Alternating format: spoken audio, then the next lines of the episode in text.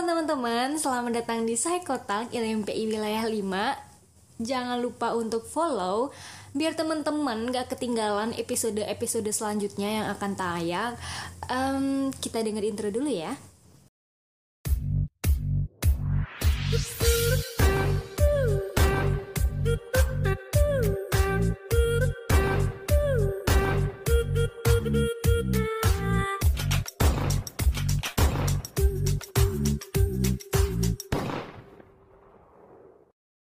Halo teman-teman Sekotok, uh, balik lagi bareng aku Fauza. Ya, di sini aku akan ngisi podcast pada kali ini dan kali ini BPPM membawakan tema yaitu tentang nikah muda. Wow, nikah muda. Um, mungkin banyak dari kita sering lihat di story-story temen kali ya, udah banyak temen kita yang udah mulai lamaran atau udah mulai nikah, kan ada yang udah mulai punya anak dan mungkin tersirat di hati kita, kapan ya aku, kok aku belum sih, kok aku masih, apa ya, aku masih menunggu kepastian nih dari pasangan aku, atau aku belum punya pasangan, atau bahkan kita masih nunggu restu dari orang tua, atau juga mungkin teman-teman udah ada yang punya planning, um, tahun depan mungkin udah halal, atau planning tahun depan lamaran, Ya, karena setiap orang punya jalannya masing-masing ya. Oke, nggak lama-lama, uh, di sini aku nggak sendiri, aku bareng sama narasumber, yaitu namanya Kak Ulan. Halo Kak Ulan. Halo Kak Fauza. Halo, mungkin Kak Ulan bisa perkenalkan dirinya terlebih dahulu ya. Oke, oke. Uh, uh, teman-teman, di sini aku Ulan dari Denpasar Bali. Nah, saat ini aku sedang kuliah di semester 7 dan sudah menikah dengan satu anak. Mungkin begitu, Kak. Oke, uh, mungkin kita bisa langsung tanya-tanya ya ke Kaulannya buat sharing pengalaman karena Kaulan ini kan udah nikah ya. Um, yeah. Aku mau tanya, uh, Kaulan nikah itu di usia berapa kak? Oke, jadi aku itu menikah di umur 19 tahun. Nah, saat itu suamiku tuh umurnya 29 tahun. Jadi kita tuh terpaut jauh usianya beda 10 tahun, Kak. Oh, gitu. Di usia 19 tahun, itu apa sih alasan Kaulan sehingga Kaulan tuh memutuskan buat nikah? Uh, jadi kenapa alasan aku menikah muda itu kalau dari aku sendiri karena aku tuh merasa menemukan orang yang tepat. Nah, dalam artian dari dia itu aku bisa belajar banyak hal dan dia pun uh, bersedia belajar sesedikit apa pun pengalaman hidup yang pernah aku rasain. Nah, selain itu, kami itu terpaut usia yang cukup jauh seperti yang aku bilang tadi. Jadi menurutku dengan keadaan emosiku yang masih um, bisa dibilang labil gitu ya. Tapi dia itu sudah lebih matang lah secara emosi dan lebih dewasa. Jadi banyaklah pengalaman yang aku pengen belajar dari dia. Dan saat itu pun satu-satunya orang yang langsung mengajak aku itu komitmen dengan orang tua itu adalah dia. Nah dari sana keyakinanku itu bertambah kalau memang suatu hubungan itu nggak bisa sekedar coba-coba sana sini karena balik lagi hubungan itu ke komitmen yang tadi gitu kak. Kan banyak orang yang bilang kalau sebelum nikah tuh kita harus siap finansial, siap mental. Nah saat itu kaulan udah siap semuanya berarti ya? Uh, jadi kalau misalnya dibilang udah siap semuanya itu mungkin enggak juga karena dari menikah itu bisa jadi ajang pembelajaran juga buat aku. Nah sebelum dari uh, sebelum nikah, apa aja sih yang aku siapin tuh tentunya memang persiapan fisik dan mental yang pertama. Nah, aku aku itu menikah di usia 19 tahun tuh bukan hal yang mudah. Jadi sebelum nikah, tentu aku tuh tergabung di kelas pranikah. Kayak aku tuh sering ikut-ikut kelas pranikah gitu, Kak. Nah, dari sana aku belajar hmm. sedikit-sedikit tentang bedanya kehidupan sebelum dan setelah menikah atau ketika berkeluarga nantinya. Nah, karena kita itu kan hidup di budaya kolektif kan karena kalau misalnya kita menikah itu bukan cuma suami atau anak dan keluarga inti aja yang akan berinteraksi dengan kita nantinya tapi bahkan kita nanti bisa berurusan dengan temannya suami atau keluarga besar gitu. Nah, karena aku akui menikah di usia 19 tahun itu bukan hal yang mudah. Saat ini udah disediain program kelas pranikah. Jadi si calon suami dan istri ini bakal ikut kelas pranikah bareng selama waktu yang ditentukan uh, kelas pranikah itu juga setauku sudah disediakan uh, oleh pemerintah di setiap daerah. Oh, kalau boleh tahu gimana Kak caranya buat ikut kelas pranikah? Mungkin biar teman-teman ini yang dengar ada yang mau coba ikut kelasnya gitu kan. Oh iya iya. Kalau kelas pranikah itu setauku untuk calon suami istri yang sudah mendaftar, Kak. Oh. Jadi uh, uh, jadi sebelum acara akad mereka uh -uh. itu disediakan kelas. Jadi para calon suami dan istri ini nanti bakal barengan gitu ngikutin uh, alur dari setiap programnya itu. Oh gitu. Di situ materi yang disampaikan apa aja kak? Uh, jadi setauku itu kak di program itu uh, di, bakalan ditanya kenapa alasan uh, kita itu memilih menikah berdua. Terus nanti ditanya juga apakah nanti kalian uh, akan siap jika memiliki keturunan nah, dan uh, bagaimana kalian itu menghadapi ketika uh, keluarga kalian itu sedang berkumpul atau semacamnya seperti itu kak. Oh gitu. Uh, ikut kelas pranikah itu program gratis dari pemerintah ya kak? Iya betul kak. Kalau nggak salah tiga hari ya. Oh ya, tiga, tiga hari. hari. Berarti kita udah daftar di KUA dulu, abis mm -hmm. itu baru kita boleh ikut kelas pranikah itu ya? Mm, betul banget. Uh, kakaknya abis nikah itu uh, langsung program hamil atau menunda dulu karena kan di sisi lain kakaknya kuliah kayak gitu. Jadi kalau aku sama suamiku ditanya orang soal langsung program hamil atau menunda, pasti kita bilang itu sedapatnya aja. Jadi nggak nunda gitu kak karena salah satu tujuan kami itu memang sama waktu menikah uh, itu memiliki bayi atau keturunan. Nah, karena menikah di usia muda itu berarti kan itu saat aku masih produktif-produktifnya. Jadi itu adalah kesempatan buat aku lebih semangat uh, ngurus anak. Nah, gimana perasaannya kakak waktu si kecil lahir? Jadi setelah aku melahirkan itu, aku mengalami baby blues, Kak. Tapi uh, syukurnya itu sampai cuma sampai tiga hari kalau nggak salah itu tuh aku ngerasain gimana aku tuh khawatir nanti anakku tuh gimana ya takut sakit atau takut apa. Padahal uh, sebenarnya anakku ini baik-baik aja gitu. Cuma aku ngerasa rendah diri. Bisa nggak ya aku ngerawat nanti gitu? Hmm, ada tipsnya kak buat nggak baby blues lagi? Kalau untuk ngatasin baby blues sih Kak, syukurnya orang-orang terdekat kayak keluarga, suami itu pasti sangat uh, dibutuhkan gitu ya dukungan. Berarti butuh support orang-orang ya. terdekat ya? Iya benar. Itu yang utama Kak. Oke, bahagia nggak Kak rasanya nikah terus punya anak di usia yang masih dibilang muda? Kalau ditanya bahagia, pasti pasti bahagia pasti bahagia kalau punya anak juga lebih lebih bahagia lagi kalau boleh tahu deh kakak ngerasain amin. Aduh kapan ya? Uh, kalau boleh tahu anaknya kak Wulan usia berapa ya? Uh, anakku usianya dua tahun kak bulan November kemarin. Oh dua tahun lagi aktif aktifnya ya. Sangat. Susah nggak sih kak jadi seorang ibu yang sambil kuliah dan kalau kemarin kita udah chat-chatan itu Kak Wulan juga lagi skripsi kan.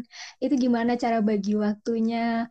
Aduh pusing gak sih Kak? Iya, jadi sedikit sharing ya Kak. Kan saat yeah. ini aku semester 7, mungkin sama kayak Kak Fauza ya. Mm-hmm. Saat ini sedang menyusun skripsi. Nah, aku sempat ambil cuti setahun karena melahirkan. Sekarang uh, kebayangkan anak umur 2 tahun tuh gimana tumbuh kembangnya dia tuh sekarang lagi explore dan rasa ingin tahunya itu tinggi banget. Nah waktu aku kuliah daring nih misalnya waktu dia pengen gendong ya aku sambil gendong. Waktu dia haus ya aku sambil ngasih asi ke dia. Karena dia tuh emang dari kecil nggak mau minum pakai botol dot. Pokoknya seriwah apa pun dia dah yang menang. Motoriknya juga tuh masya allah banget. Ya tapi alhamdulillah lah Jadi ya dibilang ribet pasti ribet ya kak ya. Iya jadi aku akui keriuhan dan rasa kesel tuh pasti ada kak manusiawi. Tapi balik lagi manusiawi itu juga ya kalau dia haus manusiawi juga kalau dia pengen ngajak main karena itu emang dunianya jadi emang biasanya aku tenangin diri dulu datengin anak terus meluk dia untuk meredam emosi Tapi untungnya Hmm. emang ada orang terdekat itu yang selalu ngebantu. Emang ada suami, ada orang tua yang selalu support. Eh, kakak nggak apa namanya sewa jasa baby sister gitu? Hmm, kalau memang eh, prinsipku dari dan suami dari pertama memang eh, anak itu sebisa mungkin kita dulu yang ngerawat karena Eh, emang masa-masa kecil tuh nggak bisa kita lewatin kan tumbuh kembang mm-mm. anak nanti ke depannya itu bakal seperti apa Berarti diurus berdua bareng sama suami, sama orang tua gitu ya kak? iya kak benar banget Kan di suatu hubungan yang udah nikah atau bahkan yang belum nikah tuh pasti ada namanya suatu masalah. Nah, kalau misalnya di keluarga kakak itu ada masalah, itu bagaimana cara kakak menyelesaikannya? Eh, masalah ini maksudnya dari keluarga ke aku dan suami atau dari aku antar aku dan suami kak Eh, mungkin dari dua-duanya kak, dari pihak misalnya dari keluarga ke kakaknya, terus dari Hmm. kakaknya atau ke suami, kayak gitu. Eh, kalau masalah sih memang pertamanya kita tuh eh, pasti duduk bareng gitu Kak. Kalau Mm-mm. misalnya masalah itu kayak dibesar-besarin gitu kan nanti nggak bakal ada ujungnya dan malah jadi terpecah belah gitu ya. Nah sementara memang aku masih tinggal dengan orang tua itu pasti nggak eh, apa namanya sebisa mungkin kita minimalisir dan kita hindari. Jadi kalau misalnya ada masalah kita duduk bareng, diskusi dan cari eh, apa solusi yang tepat untuk masalah itu gitu. Eh, berarti kakak udah nikah berapa tahun? Aku nikah 2019, berarti dua tahun lebih. Eh, setelah memutuskan buat nikah, berarti kakak udah siap buat kayak eh, pasti kan waktu buat di luar itu sangat jarang ya, karena udah punya keluarga. Kayak misalnya buat jalan sama temen atau yang lain-lain kayak gitu. Ya benar banget, itu pasti. Kalau masalah hangout bareng teman itu pasti berkurang. Tapi kalau misalnya dari suamiku sendiri nggak ada ngelarang sih, nggak ada larangan untuk kumpul-kumpul bareng teman. Syukurnya begitu. Eh, berarti masih masih bisa main ya bareng teman sebelum punya baby. Mm-mm, benar, masih sering kok Kak, kita keluar keluar bareng teman gitu. Tapi kalau setelah punya anak memang akunya sendiri yang iya iya, karena waktunya nggak ada juga. Iya lagi di semester akhir punya baby yang masih aktif-aktifnya ya Kak. benar banget. Kak Fauza gimana? Ada pandangan eh, nikah kah deket-deket ini? Aduh belum ada deh kayaknya. Aduh aku mau lulus kuliah dulu, abis itu Amin. eh, kerja mungkin. Kalau dari aku sendiri ya, aku harus kayak nyiapin finansial. Karena aku belum siap mental buat buat Mm, nikah itu aku belum siap. Mungkin kalau udah punya finansial, udah udah mantep nih dari diri, mungkin aku bisa deh nikah. Aku Semangat ya takut. Salah nggak sih Kak kalau misalnya kita takut nikah gitu? Kalau takut sih jangan karena nikah itu kan memang kayak salah satu apa ya kayak stage gitu yang bakalan kita akan lalui gitu. akan kita hadapi gitu Kak. Kalau aku ya. Kadang kan kita suka lihat apa ya? Mungkin kebanyakan lihat eh, kasus-kasus kayak misalnya di Nah, suatu pernikahan yang gagal. Nah, dari situ kita kayak aku takut nih buat nikah. Aku takut kalau itu terjadi sama diri aku. Jadi mm, kayak ah aku belum siap mental. memang sih Kak kalau misalnya kayak kita sering nonton kasus atau film bahkan kalau misalnya kita kuliah di psikologi juga kan pasti akan Iya. ada dapat tugas tuh biasanya nganalisis suatu masalah gitu. Itu pasti bakal jadi eh, refleksi gitu kan buat kita. mm-mm. Mm-mm, tapi itu tuh buat apa ya? Sebagai kayak ini aja sih kalau aku mm, untuk jaga-jaga ke depan. Tapi kalau takut jangan sampai ya, Kak. Oh ya mungkin mungkin karena kita belum menjalani sebuah pernikahan ya, jadi kayak kita Mm-mm. itu eh, takut kita tuh terlalu takut sama hal yang belum belum tentu hal itu terjadi. Ya, benar banget. Ya mungkin harus disiapkan mentalnya ini ya. Pasti kalau udah lulus kuliah nggak lama nih bakal ditanya, Kapan nikah? Pasti tuh. Iya, kalau Kak Wulan udah nggak dapat pertanyaan itu lagi ya. Tapi pertanyaannya bakalan terus kok, Kak. Misalnya nih, aku udah nikah. Kapan punya anak? Gitu. Terus kalau udah punya anak, kapan nih punya adik? Kayak gitu Kak Wulan nanggepinnya gimana Kak? Kadang kan kita kesel ya, tapi kadang kita harus jaga juga. Mm-mm. Itu Kak Wulan nanggepinnya kayak mana? Kalau dapat pertanyaan-pertanyaan yang kayak gitu.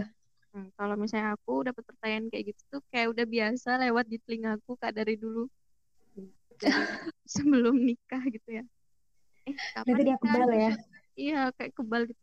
Saudaramu aja udah udah pada nikah, temenmu aja udah pada nikah, umur segitu kok udah cukup kok. Terus pas udah nikah, eh kapan rencana punya anak? Nunda nggak? Waktu udah punya anak juga, kapan punya adik? Udah umur 2 tahun. Jadi aku nanggepinnya, ya apa namanya kayak bercandaan gitu loh kak. Jadi nggak nggak Mm. serius. Mm-mm, kayak cuma nanggepin bercandaan aja. Soalnya kalau misalnya kita nanggepin sesuai dengan apa yang dia omongin, pasti dia nggak bakal habisnya juga nanyain masalah-masalah yang sebenarnya nggak jelas gitu. yang dia kepo Iya. banget kan. Mm-mm. Ah, waktu Kak Wulan udah mutus nikah, itu kan pasti Kak Wulan izin ke orang tua kan? Itu gimana cara Kak Wulan izinnya? Eh, kalau misalnya dari aku sih jujur aja, aku sama suami itu nggak pacaran kak. Jadi kita tuh temenan kurang lebih tuh setahun, seta- satu setengah tahun kalau nggak salah. Itu kita temenan, terus tiba-tiba eh, kita tuh sering tergabung kayak kajian bareng gitu. Nah, Mm-mm. habis itu tiba-tiba eh, suamiku nih minta ke orang tua gitu langsung minta ke orang tua dan minta izin untuk komunikasi dengan aku gitu. Jadi emang dari suami yang minta izin duluan ke orang tua. Oh gitu. Jadi kakak itu kenal sama suaminya itu di tempat kajian gitu kah? Mm-mm, benar. Kalau boleh tahu kajian apa kak? Eh, kayak kajian Islami gitu Kak, remaja masjid gitu. Hmm, berarti kenal di Ah. situ. Habis itu mungkin tertarik kali ya suaminya sama kakak. Kayak kegiatan-kegiatan masjid gitu sering kita bantu-bantu atau ada kayak posko-posko amal gitu. Hmm, terus diajak nikah ya kak? Hmm, awal kayak pengen kenal dulu pasti. Mm, Terus habis itu setelah kenal kita nggak lama kok itu mutusin buat nikah. Eh, jadi kalau kata orang sekarang tuh satset nggak pakai basa-basi gitu ya. Bisa bisa bisa. Satset langsung nikah sah. Aduh, masya Allah. Mungkin nggak usah lama-lama ya podcastnya. Em, pesan dari kakak buat pendengar podcast yang mungkin ada yang sedang merencanakan nikah atau yang belum menikah kayak aku ini yang belum siap mental. Kira-kira apa kak? Ada pesan nggak kak? Eh, jadi kalau misalnya dari aku pesan buat yang belum menikah, eh, yang pertama tuh diingat nikah itu bukan untuk perlomba ajang perlombaan.